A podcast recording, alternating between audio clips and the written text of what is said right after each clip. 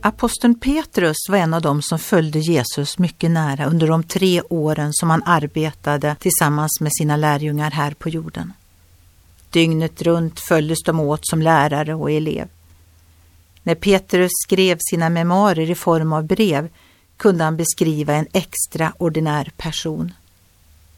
Petrus hade för sin egen del många misstag och missgärningar att bekänna. Men vad kunde han säga om Jesus? Han hade inte begått någon synd och svek fanns inte i hans mun. När han blev smädad smädade han inte igen och när han led hotade han inte utan överlämnade sin sak åt honom som dömer rättvist.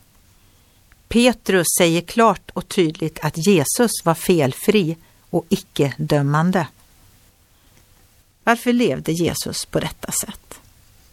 Petrus svarade att Jesus bar våra synder i sin kropp upp på korsets trä för att vi skulle dö bort från synderna och leva för rättfärdigheten. Och genom hans sår har vi blivit helade. Andligt helande på korsets trä, det är pulsslaget i kristen tro, hopp och kärlek.